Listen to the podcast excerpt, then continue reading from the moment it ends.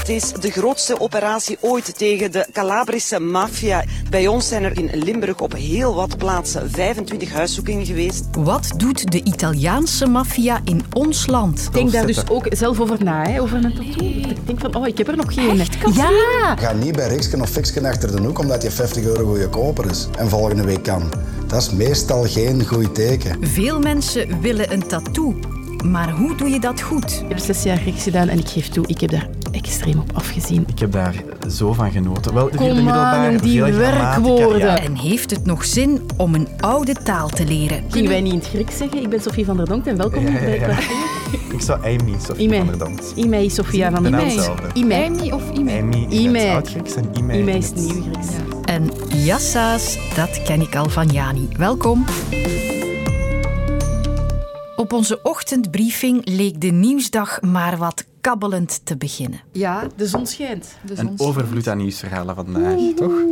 Het is lente, maar daar hebben we het mee gezegd. Hè? Maar plots gebeurde er toch iets. En ik kijk even op mijn monitor en dan zie ik daar een aantal mensen binnenkomen op het eh, federaal parket. En er wordt, denk ik, stilaan gesproken, dus we gaan meeluisteren.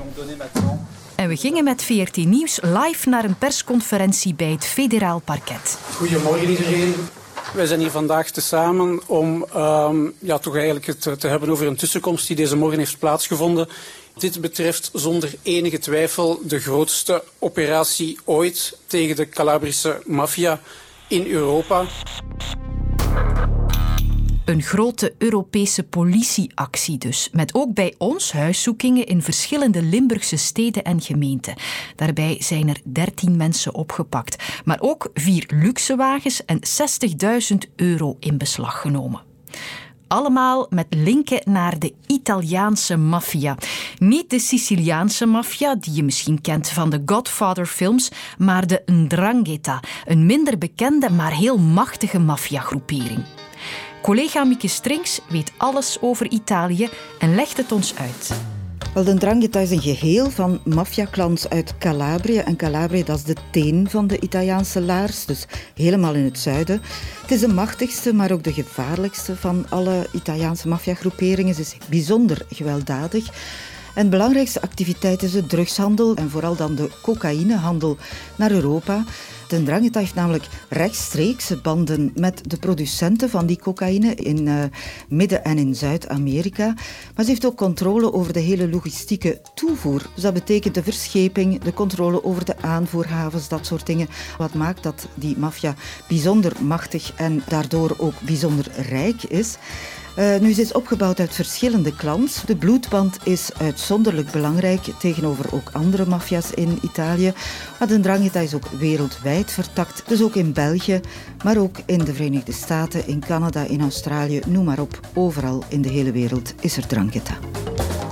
Overal dus, maar in ons land dan toch vooral in het bronsgroen eikenhout van Limburg. Wat heeft die een Drangheta in Genk en Maasmechelen te zoeken?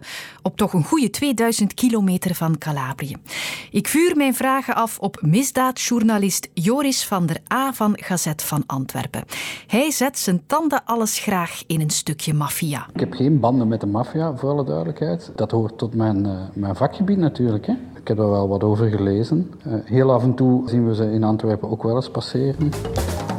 1. Waarom is precies Limburg het actieterrein van die Ndrangheta? Omdat Limburg een grote aanwezigheid van Italiaanse migranten heeft, of mensen die van Italiaanse komaf zijn. De tijd dat de mijnen eh, volop draaiden, zijn er heel wat Italiaanse migranten naar eh, Belgisch Limburg onder meer gekomen om daar in de mijnen te werken. Net zoals dat er een Turkse gemeenschap aanwezig is en een Poolse gemeenschap. Die diaspora is natuurlijk ideaal om, eh, om zich eigenlijk in te verschuilen. Dus er zijn ook mensen met criminele connecties die hier terecht zijn gekomen en die hier eigenlijk redelijk onzichtbaar zich dan kunnen bewegen.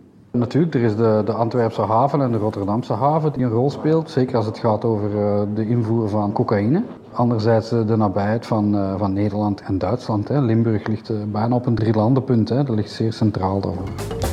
2. Hoe zichtbaar is die maffia-activiteit in Limburg? Je zou kunnen zeggen, we zien veel pizzeria's en dat zijn dekmantels. Dat is nogal kort door de bocht. Hè. Er is nu eenmaal een grote aanwezigheid van mensen van Italiaanse origine in de oude mijnstreek in Limburg. Maar dat is inderdaad een vorm van criminaliteit die bij voorkeur geruisloos gebeurt, zonder veel geweld. In Antwerpen worden we nu geconfronteerd met geweld tussen drugsbendes. Maar in de regel proberen ze dat zo onzichtbaar mogelijk te doen. Dus de gewone mens ziet daar eigenlijk weinig van. Tenzij dat er plots conflicten uitbreken, dan zou dat wel zichtbaar kunnen worden. In Duitsland zijn er bijvoorbeeld uh, moorden of liquidaties gebeurd. Ja, dan wordt het wel zichtbaar. Maar doorgaans ga je er eigenlijk weinig of niks van merken. En drie, in welke mate wordt die criminaliteit opgevolgd en onder controle gehouden? Ik denk dat het parket en de federale politie in Limburg een goed beeld hebben van de aanwezigheid van bijvoorbeeld een drangheta. Dit is ook niet de eerste operatie die tegen die uh, criminele groepering is uh, opgetuigd, om het zo te zeggen. We hebben een aantal jaar geleden ook het bekende dossier van de pizzabakker uit Heusden-Zolder gehad. Dat was ook een, drangheta-connectie. Uh, jaren daarvoor hebben we het grote proces tegen de familie Aquino uit Maasmechelen gehad. Dus onder controle, dat is moeilijk te zeggen, maar men is er wel mee bezig en men doet het ook op lange termijn. Het zijn geen korte klappen en, en, en korte spektakeldossiers. Het is echt wel in de diepte dat men uh, gewerkt heeft in, in Limburg.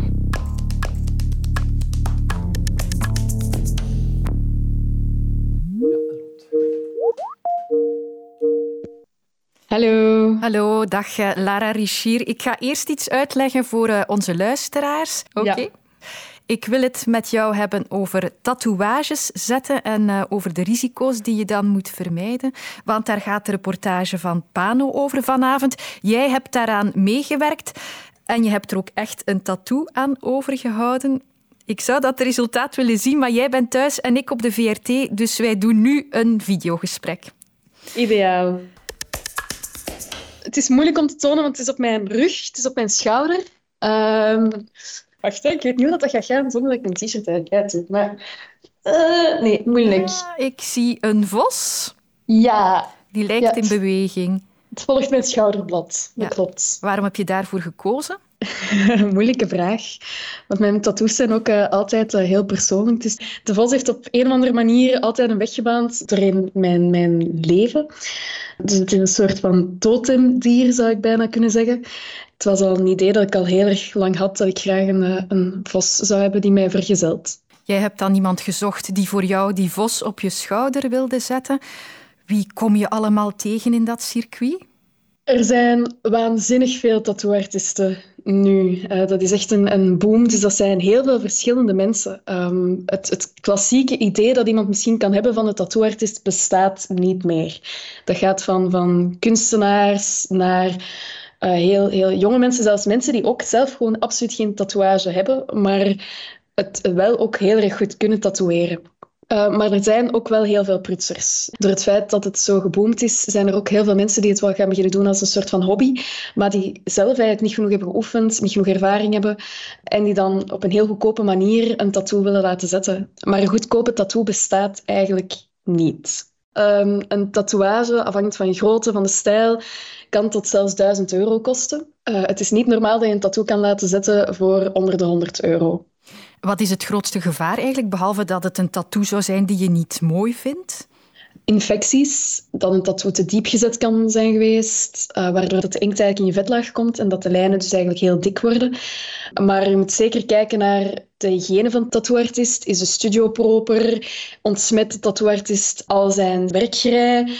Um, word jij ook goed ontsmet? Dat is echt ontzettend belangrijk, want een infectie is heel snel gebeurd. Want uiteindelijk creëer je wel een soort van open wonden wanneer je een tattoo laat zetten. Heb jij grote ogen getrokken, versteld gestaan van wat er gebeurt in dat wereldje?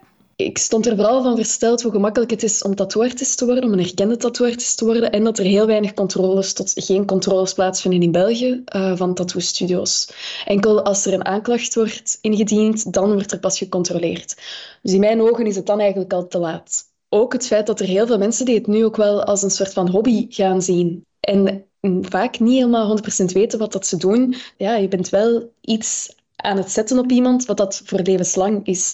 Dus daar was ik wel, wel van verschoten. Het gebeurt blijkbaar ook soms op feestjes dat mensen geïmproviseerd een tattoo laten zetten door een vriend of iemand die ze daar tegenkomen.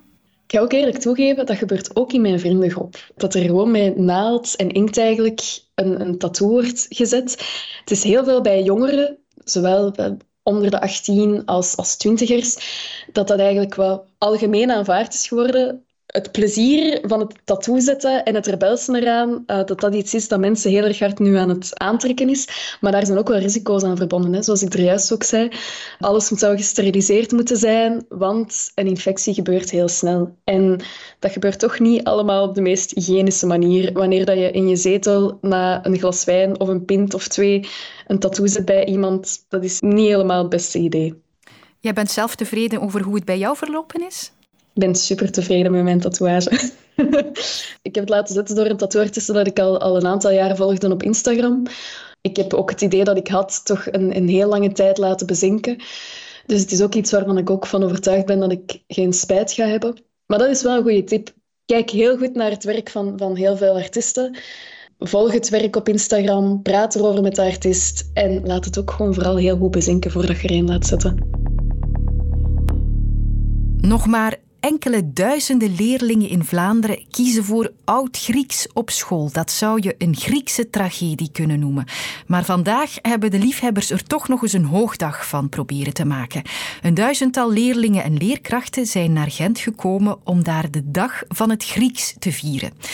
Ik heb Grieks alleen in het tweede en derde middelbaar volgehouden, maar wel lang Latijn gestudeerd, tot op de universiteit zelfs. En ook veel collega's hebben nog een klassieke opleiding gehad. Als ik naar een land ga waar ze een Romaanse taal spreken, ja, dan zal ik sneller begrijpen wat ze zeggen dan mensen die geen Latijn hebben gedaan, denk ik. Als ik naar Rome op reis ga of zo, ik zie het gewoon allemaal voor mij als ik voor dat Colosseum sta. Ja, een bekentenis, een oude droom van mij. Om als ik op pensioen ga, oud-Grieks te studeren. Ik wil Homerus in het Grieks lezen en Thukydides. Ik hoor dus vooral veel enthousiasme, maar ik kreeg ook een kritische stem aan de lijn. Die van moraalfilosoof Patrick Loobuik. Ja, wel, ik werd met de vraag geconfronteerd op het moment dat ik mijn kinderen inschreef in de middelbare school. En daar werd eigenlijk al heel snel duidelijk dat wanneer kinderen in de lagere school een goed rapport hebben, dat ze dan maar klassieke talen moeten gaan studeren. Toen rees bij mij de vraag van waar dat komt. Hè, dat, dat wij in onze samenleving in, in 2023 uh, mensen die goed studeren, mensen die makkelijk studeren, alleen maar kunnen uitdagen door hen een dode taal aan te bieden. Tja, daar valt misschien ook wel iets voor te zeggen. Ik legde zijn argumenten voor aan Christian Laas. Ik ben uh, op weg naar de Griekse dag. Ik zit wel in een, een rustige coupé, dus... Professor in de klassieke talen. Ik vind de argumentatie van, van collega Lobuik een beetje spijtig eigenlijk. Er is nergens gezegd dat wij mensen met uh, intellectueel talent alleen uitdagen om uh, klassieke talen te studeren. Als je ons secundair onderwijs bekijkt, dan is er absolute mogelijkheden om zogezegde stemrichtingen te combineren met een klassieke taal. En natuurlijk ook de hele boetade dat dan zou gaan om het aanbieden van alleen maar dode talen. Dat is eigenlijk wat zielig, want ik, ik noem uh, Oud-Grieks en Latijn nooit doodtalen. Uh, ik noem ze liever uh, cultuurtalen. Maar blijft natuurlijk mijn punt. Waarom zou je bijvoorbeeld niet jonge mensen uitdagen die, die goed zijn in taal, door hen levende talen aan te bieden? Waarom geef je mensen niet de mogelijkheid om in het eerste middelbaar al Spaans of ook een, een, een heel pak Duits te leren? Je kunt daar ook de naam vallen aanleren. Waarom bieden we hen geen Arabisch aan bijvoorbeeld? Dat is een levende taal, dat is ook een rijke cultuur. Je kunt daar heel veel dingen mee doen. En het voordeel is dat je dan mensen creëert die, die een woordje Arabisch spreken, toch niet onbelangrijk in onze samenleving? Uh, je hebt inderdaad de linguïstische vorming, maar daarnaast is er zo en zoveel meer. Ik zeg altijd dat dit vakken zijn die bij uitstek poorten openen. Poorten naar heel verschillende aspecten en facetten van onze uh, westerse cultuur, op zijn minst al. Filosofie, iets wat collega Lobuik toch ook wel na aan het hart zal liggen. Kennismaking met uh, geschiedschrijving, omgaan met historische bronnen, het juridische denken. Al die zaken hebben eigenlijk mee vorm gekregen in die antieke wereld. En dat maakt het bestuderen van die wereld net zo boeiend. Die cultuur van die Romeinen en die Grieken die was heel vrouwenvriendelijk, was een slavenmaatschappij. Er was natuurlijk ook wel wat cultuur, maar ze was ook grotendeels ondemocratisch. Je kunt er van alles van leren, maar je kunt van, van allerlei andere culturen ook veel leren. Dus, uh, ja. Welke cultuur is zonder schuld? Daar kan je natuurlijk over, over denk ik, spijt genoeg alle wereldculturen ook wel zeggen. Ik zou in dit verband toch graag een uh, anekdote willen aanhalen. Ik was enkele weken geleden in Georgië, waar uh, leerlingen en studenten eigenlijk diezelfde vraag stelden van, van waarom zouden wij nu die klassieke taal nog bestuderen? En er werd daar een toneelstuk opgevoerd dat eigenlijk ging over de oorlogsgruwel van de jaar 2008, 2009 met de, de Russische uh, invasie van Georgië. En voor dat stuk baseerde men zich op een stuk van de Griekse tragedieschrijver Euripides, de Trojaanse vrouwen. En dat heeft me op dat moment zo gepakt. Dat is eigenlijk een stuk uit de vijfde eeuw voor Christus. Dat zegt, wat doen wij nu eigenlijk als Grieken? Hoe vreten gedragen wij ons, of hebben wij ons gedragen tegenover oorlogsslachtoffers, in dat geval de vrouwen van, van Troje. En dan denk ik van, wat een onsterfelijk mooie literatuur en hoe zinvol toch voor onze leerlingen om met zo'n beschaving te kunnen kennismaken. De naam Ndrangheta komt trouwens ook uit het Grieks. Het betekent verbond van mannen van eer. De cirkel is rond. Tot morgen. Luister ook naar Win-Win, de podcast waarin Sven Pichal en Kathleen Kraanhals tips geven om slimmer met je geld om te gaan. Nu in de app van VRT Max.